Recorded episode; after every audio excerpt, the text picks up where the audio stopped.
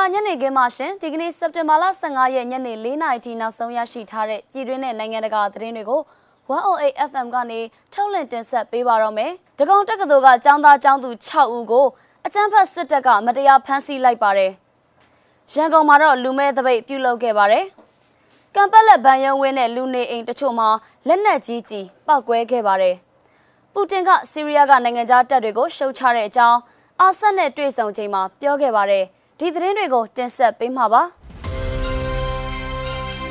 ဒဂုံတက္ကသိုလ်ကကျောင်းသားကျောင်းသူတချို့ဖမ်းခံရတဲ့သတင်းကိုစပြောပါမယ်။ဒဂုံတက္ကသိုလ်ကကျောင်းသားကျောင်းသူ6ဦးကိုအကြမ်းဖက်စစ်ကောင်စီတပ်တွေကမင်းညကဖမ်းသွားတယ်လို့ဒဂုံတက္ကသိုလ်ကျောင်းသားသမဂ္ဂကသတင်းထုတ်ပြန်ထားပါတယ်။ဒဂုံတက္ကသိုလ်ဆိုတာကတော့ရန်ကုန်မြို့မှာရှိတဲ့တက္ကသိုလ်တွေထဲကတစ်ခုပါ။ဖမ်းခံရတဲ့သူတွေကတော့မတ်ဝတ်ရီအောင်မတ်တင်စာစောမောင်စီသူအောင်တင် မောင်ရဲလင်းဦးမောင်မြင့်သိန်းနိုင်နဲ့မောင်နေထက်လင်းတို့ဖြစ်ပါတယ်စစ်ကောင်စီတပ်တွေကចောင်းသားចောင်းသူတွေအပါအဝင်ပြည်သူတွေကိုမတရားဖမ်းဆီးပြီးညှဉ်းပန်းနှိပ်စက်တပ်ဖြတ်တာတွေကိုဆက်တိုက်ကျူးလွန်နေသေးပါအကြမ်းဖက်စစ်ကောင်စီရဲ့တပ်ဖြတ်မှုကြောင့်ပြည်သူတထောင်ကျော်တိတ်ဆုံးခဲ့ပြီးတော့လူထောင်နဲ့ချီပြီးလဲဥပဒေမဲ့ဖမ်းဆီးခံရရတယ်လို့ပြည်တွင်းပြည်ပစောင့်ကြည့်လေ့လာရေးအဖွဲ့တွေကထုတ်ပြန်ထားပါတယ်ရှင် ရန်ကုန်မြို့ကလူမဲ့ဆန္ဒပြတဲ့တပိတ်အကြောင်းနဲ့ဆက်ချင်ပါတယ်စစ်ကြော်မခန့်ဒုတော်လန်လူလူတိုက်ပွဲဒိုစင်နွဲဆိုတဲ့ဖန်တိုင်းကိုလမ်းပေါ်ချပြီးစစ်အာဏာရှင်ကိုစန့်ကျင်ကြောင်းကြွေးကြော်တန်တွေနဲ့အတူ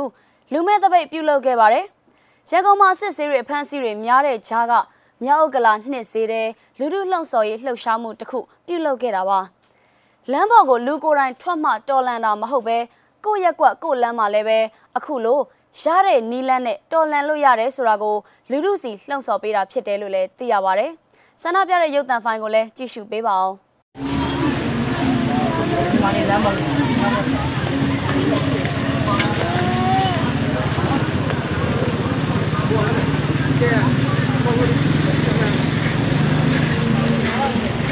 ုငွေစီရရှိရဲ့ဟုတ်ရဲ့ဟုတ်ရဲ့ရေးတော်ရေးတော်ဖတ် စစ်စစ်တဲ့ဖတ်စစ်စစ်တဲ့ရေးတော်ရေးတော်ဒီမိုကရေစီရရှိရေးဟုတ်ရေးဟုတ်ရေးရေးတော်ဘုံရေးတော်ဘုံဖတ်စစ်စစ်တဲ့ဖတ်စစ်စစ်တဲ့ရေးတော်ဘုံရေးတော်ဘုံချင်းပြည်နယ်ကသတင်းကိုဆက်ပြောပါမယ်ချင်းပြည်နယ်ကမ်ပက်လက်မြို့နယ်မှာဒီကနေ့မနက်ပိုင်း9နာရီခွဲလောက်ကစစ်ကောင်စီတပ်တွေနဲ့ CDF ကမ်ပက်လက်အဖွဲ့တို့ထိတွေ့တိုက်ပွဲဖြစ်ပွားခဲ့ပါတယ်စစ်ကောင်စီတပ်ပစ်လိုက်တဲ့လက်နက်ကြီးကြီးတွေကလူနေအိမ်တချို့နဲ့မြမစည်းပွားရေးဗန်ဝင်းနဲ့ကြပြီးပောက်ကွဲခဲ့တာလို့သိရပါတယ်။မနက်ပိုင်းမှာတိုက်ပွဲဖြစ်ခဲ့ပြီးမြို့ရဲကိုလက်နက်ကြီး၃နေရာကြတယ်လို့ကမ်ပလက်ဒေသခံတဦးကပြောပြပါဗျ။ပြီးတော့မြို့မတစ်ရက်ကွက်ဆေးရုံလမ်းတွေကအိမ်တအိဆိုရင်ခေါင်းရင်မှာလက်နက်ကြီးတစ်လုံးကြပြီးခြေရင်မှာလည်းတစ်လုံးကြတယ်လို့သိရပါတယ်။ နောက်ပြီးဗန်ဝင်းထဲကိုလည်းတစ်လုံးကြတယ်လို့ဒေသခံကပြောပါတယ်။လူထိခိုက်တာမျိုးတော့မရှိဘူးလို့လည်းဆိုပါတယ်။ချင်းပြည်နယ်ကံပလက်မြို့နယ်နဲ့မကွေးတိုင်းစောမြို့နယ်ကြားမှာ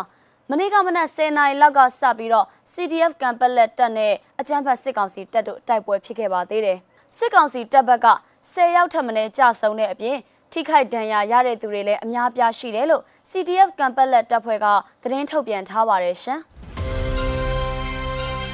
နောက်ဆုံးသတင်းအနေနဲ့နိုင်ငံတကာသတင်းကိုပြောပါမယ်။ရုရှားသမ္မတပူတင်ကဆီးရီးယားကနိုင်ငံခြားတပ်တွေကိုရှုတ်ချတဲ့အကြောင်းဆီးရီးယားနိုင်ငံသမ္မတနဲ့တွေ့ဆုံချိန်မှာပြောခဲ့ပါတယ်။သတင်းပြည့်စုံကိုလည်းရှုစားပေးပါဦး။ဘာရှာအယ်အာဆတ်ရဲ့ခွင့်ပြုချက်မရှိဘဲဆီးရီးယားမှာ တက်ဆွဲထားတဲ့နိုင်ငံခြားတပ်တွေကိုရှုံချကြောင်းမော်စကိုကကရမ်လင်နန်းတော်မှာကြိုတင်ကြေညာထားခြင်းမရှိတဲ့၎င်းတို့တွေ့ဆုံမှုအပြီးစက်တင်ဘာလ14ရက်အင်္ဂါနေ့မှာရုရှားသမ္မတဗလာဒီမာပူတင်ကပြောကြားလိုက်ပါတယ်။အစိုးရစံကြီးဆန္ဒပြပွဲတွေကိုဖိနှိပ်ခဲ့တဲ့2011ခုနှစ်က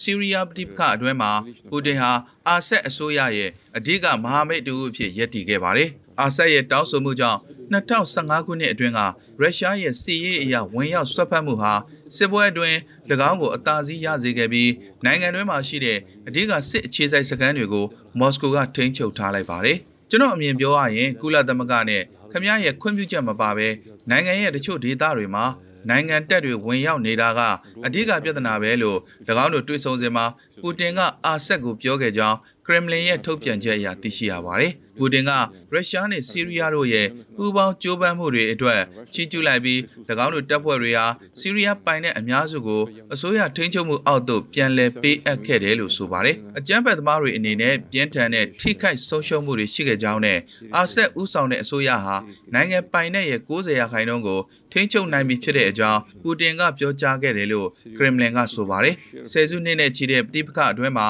ဆီးရီးယားကတ်တိုက်ခိုက်ရေးသမားတွေစီကတူရကီတောင်ပိုင်းနယ်စပ်တစ်လျှောက်ရှိနယ်မြေတွေကိုတူရကီနဲ့ဆီးရီးယားဂျာကန်တပ်ဖွဲ့တွေကထိန်းချုပ်နိုင်ခဲ့တယ်လို့နိုင်ငံမြောက်ပိုင်းကနောက်ဆုံးအဓိကသဘုံခံတက်ရှိရာအစ္စလစ်မှာလည်းတူရကီစစ်သားတွေတက်ဖြန့်ချထားပြီးစောင့်ကြပ်နေကြပါတယ်။ American ဦးဆောင်တဲ့ညွန်ပေါင်းတပ်ဖွဲ့တွေကတော့နိုင်ငံရဲ့မြောက်ပိုင်းမှာတက်ဆွဲထားပြီး IS အုပ်စုလက်ကျန်တွေကိုတိုက်ခိုက်နေတဲ့ကတိုက်ခိုက်ရေးသမားတွေကိုကြောတောင်နောက်ခံပေးထားပါတယ်။အီရန်အကြံပေးတွေနဲ့ အင်အားကောင်းလာတဲ့လက်ဘနွန်ရှီယိုက်လှုပ်ရှားမှု Hezbollah အပါအဝင်အီရန်ကနောက်ခံပြုထားတဲ့အဖွဲ့တွေလည်းရှိနေပြီးဒမတ်စကတ်အစိုးရဘက်ကပါဝင်တိုက်ခိုက်ခဲ့ကြပါတယ်။ဆီးရီးယားခေါင်းဆောင်ကပူတင်ကိုမော်စကိုမှာအခုလိုတွေ့ဆုံရခြင်းအတွက်အလွန်ဂုဏ်ယူဖို့ကောင်းကြောင်းနဲ့နေရစွန့်ခွာဖို့မောင်းထုတ်ခံရတဲ့ဒုက္ခသည်တွေပြန်လာရေးကူညီလှုပ်ဆောင်မှုနဲ့နှစ်ဖက်တပ်ဖွဲ့တွေရဲ့ပူးပေါင်းဆောင်ရွက်မှုကိုချီးကျူးပါကြောင်းပြောကြားခဲ့ပါတယ်။ကူလာဦးဆောင်တဲ့မောင်အောင်မြင့်တဲ့ငြိမ်းချမ်းရေးဆွေးနွေးပွဲတွေဟာ ဆီးရီးယားစစ်ပွဲကိုအဆုံးမတတ်ခဲ့ပဲပြီးခဲ့တဲ့နှစ်တွေအတွင်းမှာတပုံနောက်ခံတူရကီနဲ့အစိုးရမဟာမိတ်ရုရှားတို့ကဥဆောင်တဲ့အပြိုင်ဆိုင်ဆွေးနွေးညှိနှိုင်းမှုတွေနဲ့သာအချိန်ကုန်နေခဲ့ပါတယ်။အာဆတ်အနေနဲ့သူ့ရဲ့နိုင်ငံရေးအတိုက်ခံတွေနဲ့ဆက်လက်ဆွေးနွေးနိုင်လိမ့်မယ်လို့မျှော်လင့်ကြောင်းပူတင်ကပြောကြားခဲ့ပါတယ်။ဆီးရီးယားမှာရှိတဲ့အင်အားစုအားလုံးနဲ့ပြည်လဲမှုရမှသာလျှင်နိုင်ငံဟာကိုချရဘော်ကိုပြန်ရက်နိုင်မှာဖြစ်ကြောင်းသူကဆိုပါတယ်။ ဒီကနေ့စက်တင်ဘာလ15ရက်ညနေ4:00နာရီထိနောက်ဆုံးရရှိထားတဲ့သတင်းတွေကို 108 FM ကနေထုတ်လွှင့်တင်ဆက်ပေးခဲ့တာပါအချိန်ပေးပြီးနားဆင်ပေးခဲ့ကြတဲ့အတွက်လည်းကျေးဇူးတင်ပါတယ်ရှင်။